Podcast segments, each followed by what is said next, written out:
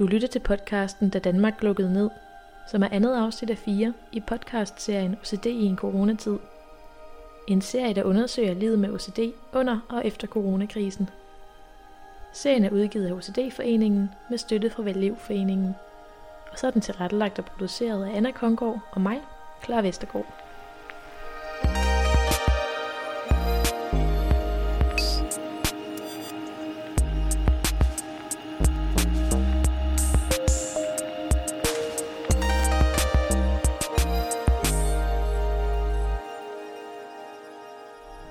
Det er simpelthen bare løgn, at, at du går ud og siger det nu. Nu har jeg fået at vide, at, at jeg skal virkelig øve mig i at udholde noget ubehag og udholde, øh, eller modstå trangen til at vaske hænder, eller hvad det nu kan være. Og så, øh, så får jeg dagen efter, at jeg har afsluttet mit forløb med psykologen, der får jeg at vide, at, at, at, at selveste statsministeren, at nu skal jeg virkelig til at passe på. Henrik Lundahl Revshøj er 37 år gammel og har haft OCD lige så længe han kan huske. Dagen før Danmarks nedlukning stopper et årlangt psykologforløb, hvor han har lært at holde igen med blandt andet sin ekstreme hygiejne. Og pludselig begynder en hverdag, hvor alt hvad han har lært bliver vendt på hovedet.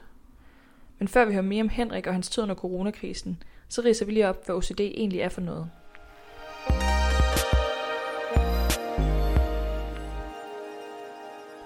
OCD står for Obsessive Compulsive Disorder og er en angstlidelse med tilbagevendende tvangstanker og tvangshandlinger – Tvangstanker, også kaldet obsessioner, er tanker, der bliver ved med at dukke op hos den OCD-ramte, og kan handle om alt lige fra tvivl, orden og symmetri, til angst for smitte, bakterier, eller angst for at skade sig selv eller andre. Tanker, som er svære at skubbe fra sig, når man lider af OCD. Tvangshandlinger eller ritualer, også kaldet kompulsioner, er handlinger, som tvangstankerne udløser – og som den OCD-ramte eksempelvis udfører for at undgå angst og ubehag. Det kan både være fysiske og mentale handlinger, og oftest kan de handle om hygiejne, kontrol eller orden og symmetri. Det anslås, at omkring 2% af enhver befolkning lider af OCD.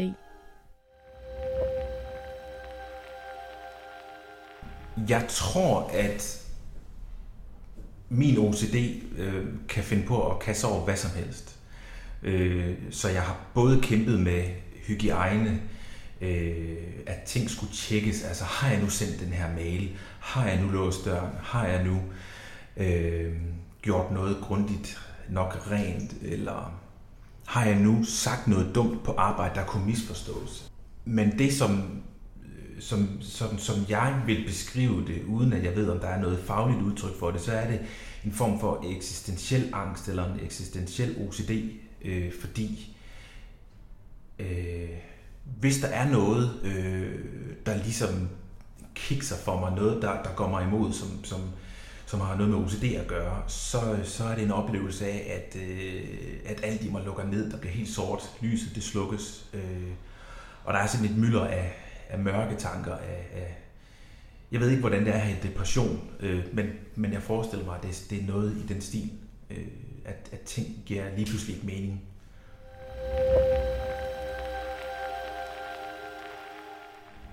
Jeg har en udfordring med, at ting eller personer kan være forbudte i mit liv. Og første gang jeg kan huske, at, at det blev en udfordring for mig, det var tilbage i, i, øh, i folkeskoletiden, øh, hvor jeg også havde OCD, men ikke fik hjælp til det. Så det stak fuldstændig af. Så jeg delte min verden op i privat og skole, og der må ikke være noget overlap overhovedet. Jeg forbandt skolen med et, øh, et meget, meget utrygt, usikkert sted. Et sted, hvor jeg ingen kontrol havde, og så hjemmet som det trygge sted. Øhm, så hvis en klassekammerat sagde, hey, har I set den der film der? Øh, så var det en film, jeg ikke, må, ikke måtte se. Heller ikke selvom det lød spændende, fordi at der måtte ikke være noget overlap. Øhm. Og det gav problemer, hvis mine brødre havde nogen med hjemme og lege, og øh, mine skolebøger, de var, de var beskidte, følte jeg, så, så jeg skulle vaske hænder, hvis jeg havde lavet lektier, og der, der var, det, det var helt, helt grotesk. Og det her mønster, det, øh, det tog jeg så med videre ud fra den idé om, at alt, hvad der overhovedet kan kobles på skoleverden, det er ondt, det er farligt, det er noget, som jeg skal udrydde af mit liv. Og hvad skal man sige, den, det mønster, det, det, det har været noget, der har sådan har været flere gange i mit liv, og det, det er nok det er noget af det sværeste ved den OCD, øh, som jeg oplever. Øhm, fordi det er en umulig opgave. Og noget af det, der også gør den umulig, det er, at jeg oplever et problem. Der er noget, der ikke må komme ind i min verden.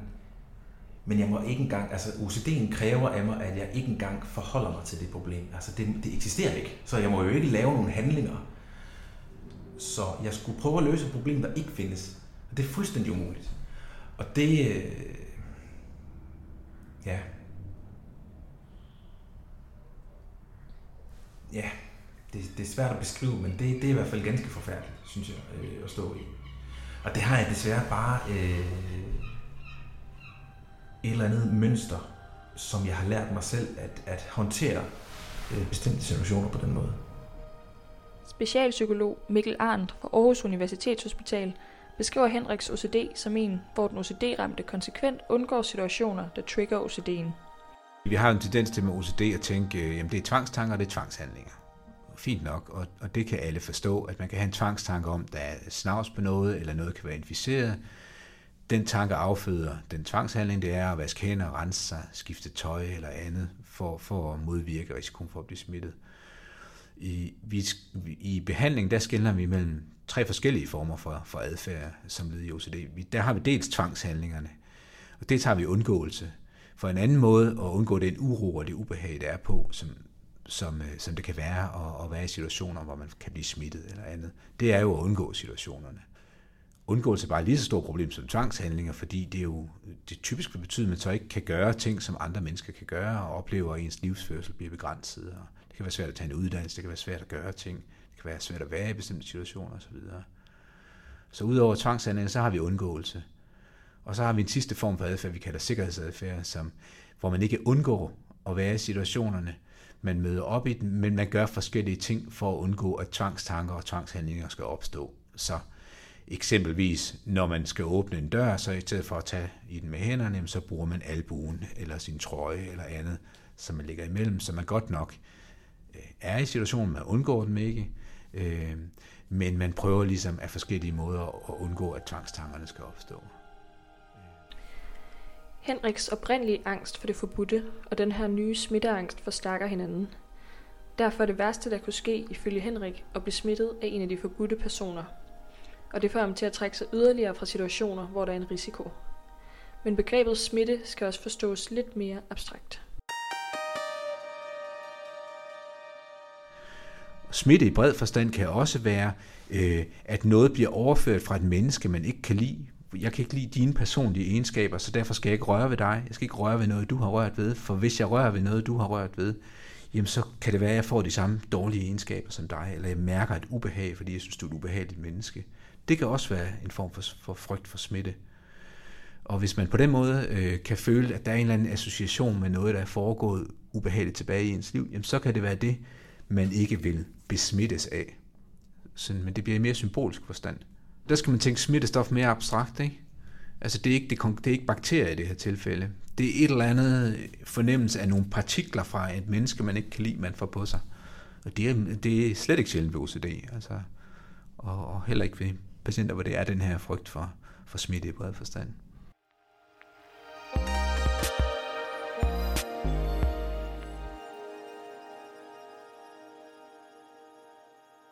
Altså, jeg var i isolation, altså selvbestemt øh, i 15 dage. Så mens andre de sad og længtes efter at komme ud og, og have alle de her sociale sammenkomster og, og deltage i alle mulige ting, der, der tænkte jeg egentlig bare, altså fri mig fra at, at skulle noget som helst. Fordi der blev jeg i hvert fald udfordret på øh, at skulle ud på en opgave, og øh,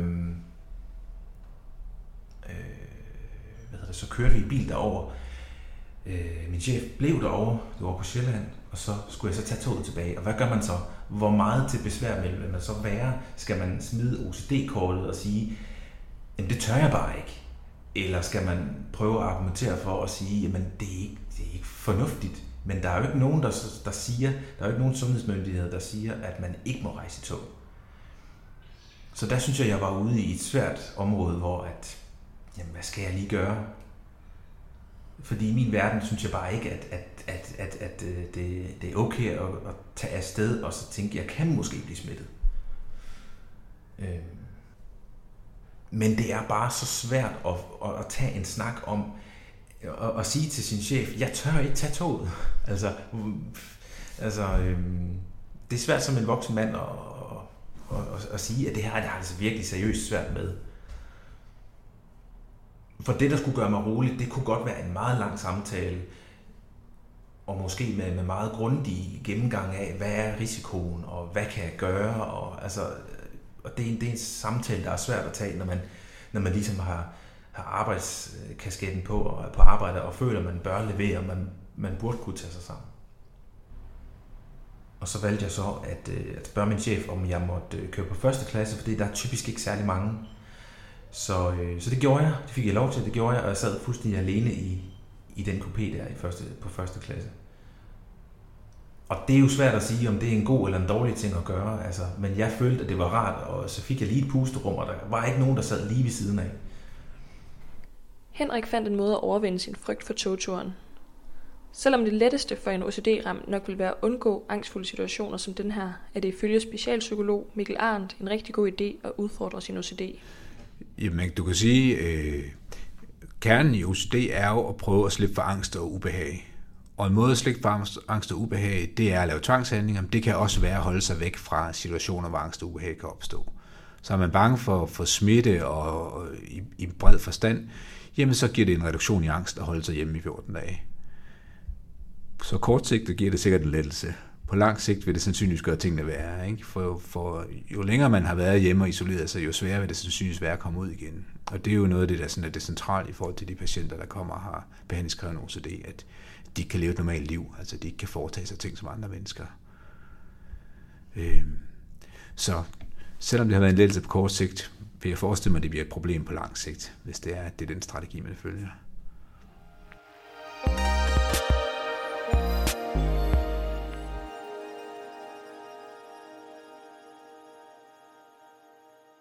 Et af de største skridt i Henriks behandling ud af sin angst for folkeskolen var at se sin frygt i øjnene og rent faktisk opsøge den.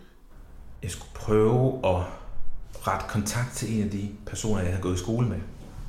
Og jeg udfordrede mig så selv så meget, at jeg faktisk spurgte, om vi skulle øh, mødes. Øh, så prøvede jeg at udfordre mig selv øh, og sige, så hvis du er der, så kunne det være sjovt at sige hej.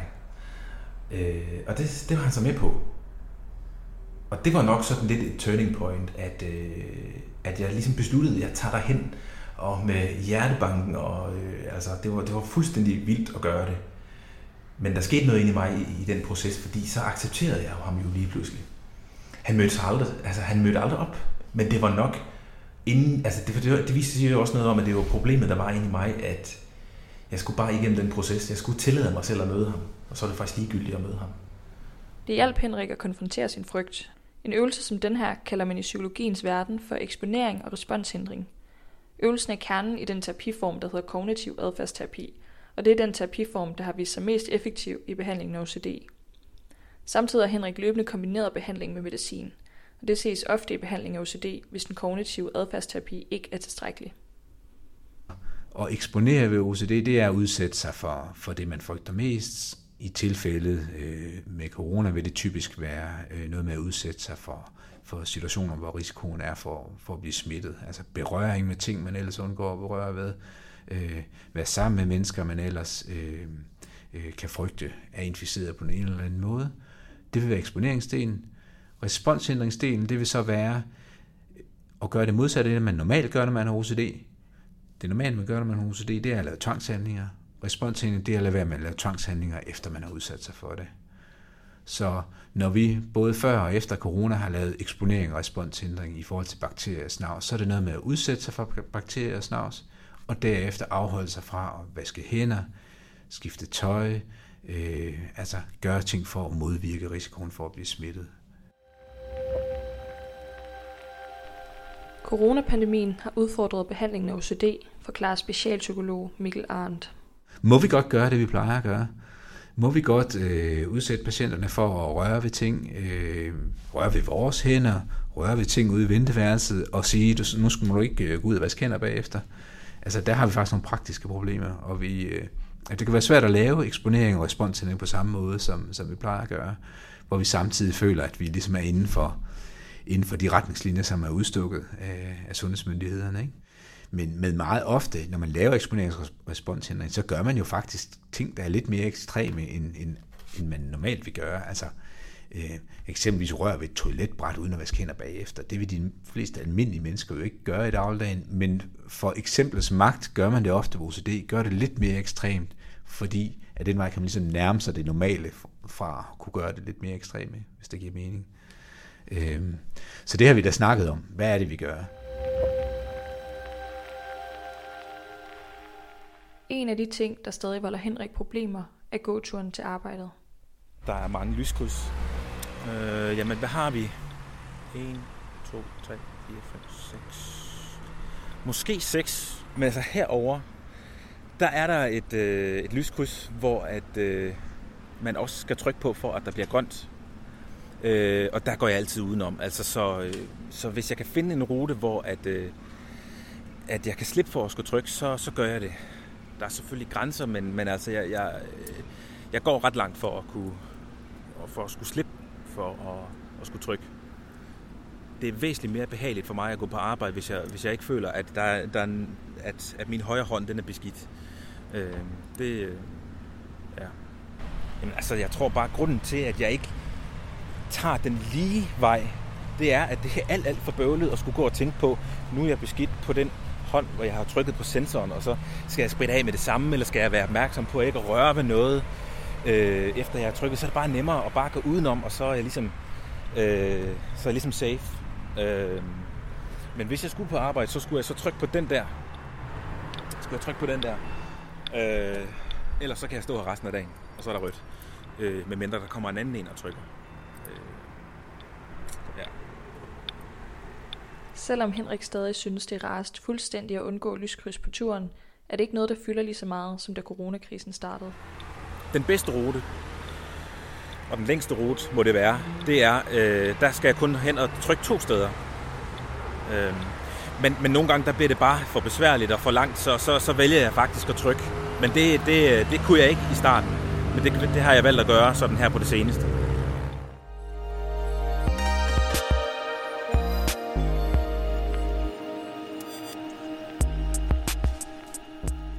Har lyttet til andet afsnit ud af fire i podcast-serien OCD i en coronatid. Serien er produceret for OCD-foreningen med støtte fra Vældlivforeningen. Medvirkende er Henrik Lundahl Revshøj og Mikkel Arendt. Podcasten er tilrettelagt og produceret af Anna Kongård og Clara Vestergaard.